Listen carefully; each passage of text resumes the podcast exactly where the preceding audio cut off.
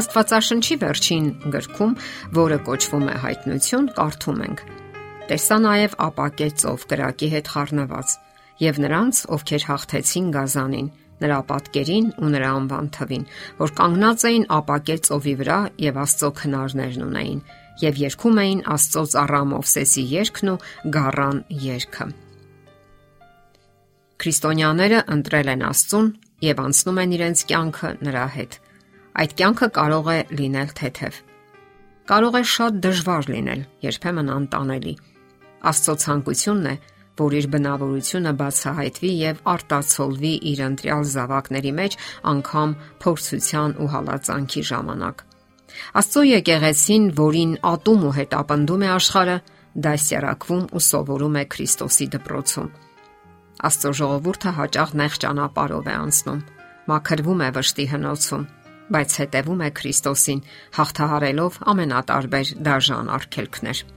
Հոգևոր կյանքը ենթադրում է անznազողություն եւ նվիրում,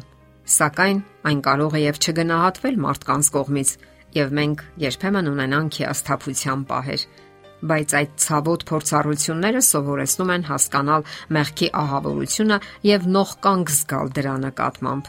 Հաղորդ լինելով Քրիստոսի չարչարանքներին, քրիստոնյաները Փարքին էլ պետք է մասնակից լինեն։ Հայտնության գիրքը նկարագրում է Աստծո ժողովրդի հաղթանակը։ Սրանք են, որ գալիս են այն մեծ նեղությունից եւ իրենց հանդերձները լվացին եւ սպիտակեցրին գառան արյունով։ Այս կյանքում մենք տարբեր ընտրություններ ենք կատարում։ Սակայն գիտենք, որ այդ ամենը ժամանակավոր է եւ նպաստում է մեր հավերժական կյանքին կամ էլ հեռացնում է փրկությունից եւ հավերժական կյանքից։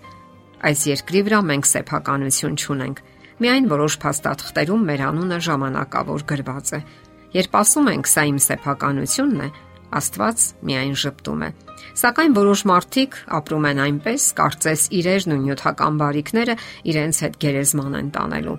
Նրանք ամեն ինչ անում են մարդկանց վրա տպավորություն գործելու համար, որpիսի բոլորը տեսնեն իրենց մեքենան կամ զգեստը, նյութական հարստությունները եւ այլն։ Այնինչ այսօր բազմաթիվ պետական գործիչներ, մեծ մաթեմատիկոսներ ու գիտնականներ տեղից տեղ ուղևորվելու համար օգտագործում էին հեծանիվ կամ անգամ ինքնագլոր։ Հասկանալի է, որ հարուստ լինելը մեղք չէ, բայց միայն փողով հարուստ լինելը մեղք է։ Հոգևոր կյանքը նշանակում է ապրել երկնային սկզբունքներով, այն կանոններով, որ առաջարկում է Աստված։ Հակառակ դեպքում կյանքն իր աշխարհիկ օրենքներն է առաջարկում մեզ կարելի ասել պարտադրում։ Եվ երբ մենք չենք վերահսկում մեր կյանքը, նա է սկսում կառավարել մեզ։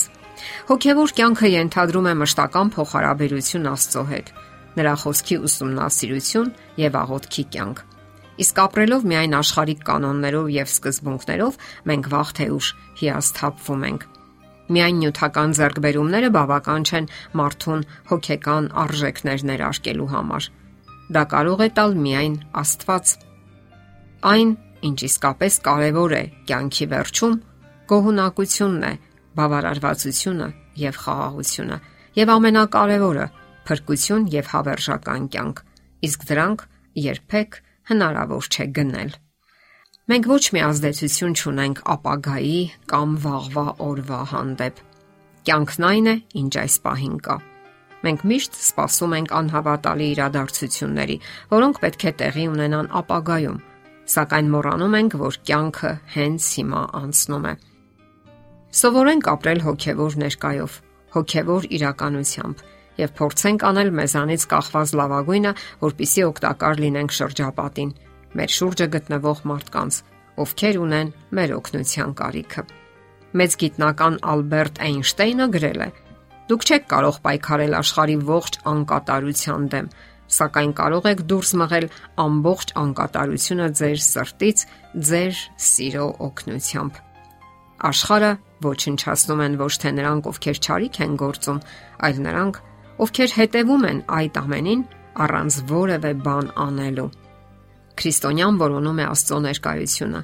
նրա միջամտությունն իր կյանքում, որpիսի ուղղորդվի նրա կողմից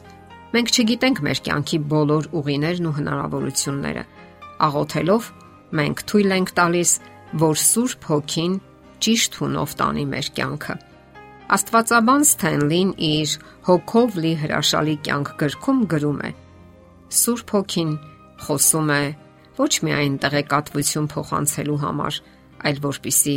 արձագանքենք իրեն։ Եվ նա գիտի, որ երբ մեր ուշադրությունը կլանված է սեփական ծրագրերով, իմաստ չունի ժամանակ վատնել եւ որևէ այլ բան առաջարկել։ Այդ պատճառով էլ Աստված լռում է։ Նա սպասում է, թե երբ մենք բավականաչափ անկողմնակալ ու զգոն կլինենք, որ լսենք իրեն ու հնազանդվենք։ Ահա այստեղ է մարդու ողբերգությունը։ Մենք չափազանց շատ ենք կլանված սեփական գործերով եւ ավելի քիչ ուշադրություն ենք դարձնում երկնային արխայությանը։ Մենք չենք լսում Աստծո ձայնը, անտեսում ենք Սուրբ Հոգու հորդորները եւ մեղմ զգուշացումները։ Մենք ավելի շատ նյութական արժեքներով ենք զբաղված, քան հոգեվոր։ Մենք շտապում ենք, սակայն ինքներս էլ չգիտենք ուր։ Մենք նմանվում ենք առանց նավապետի ընթացող նավի ուղևորներին, որ մի պահի բախվելու է ժայռերին կամ ստորջրյա խութերին։ Թույլ տվեք Աստծուն վերահսկել եւ ղեկավարել ձեր կյանքը Նա գիտի ինչպես անել դա։ Եթերում է ղողանջ հավերժության հաղորդաշարը։ Հարցերի եւ առաջարկությունների համար զանգահարել 033 87 87 87 հեռախոսահամարով։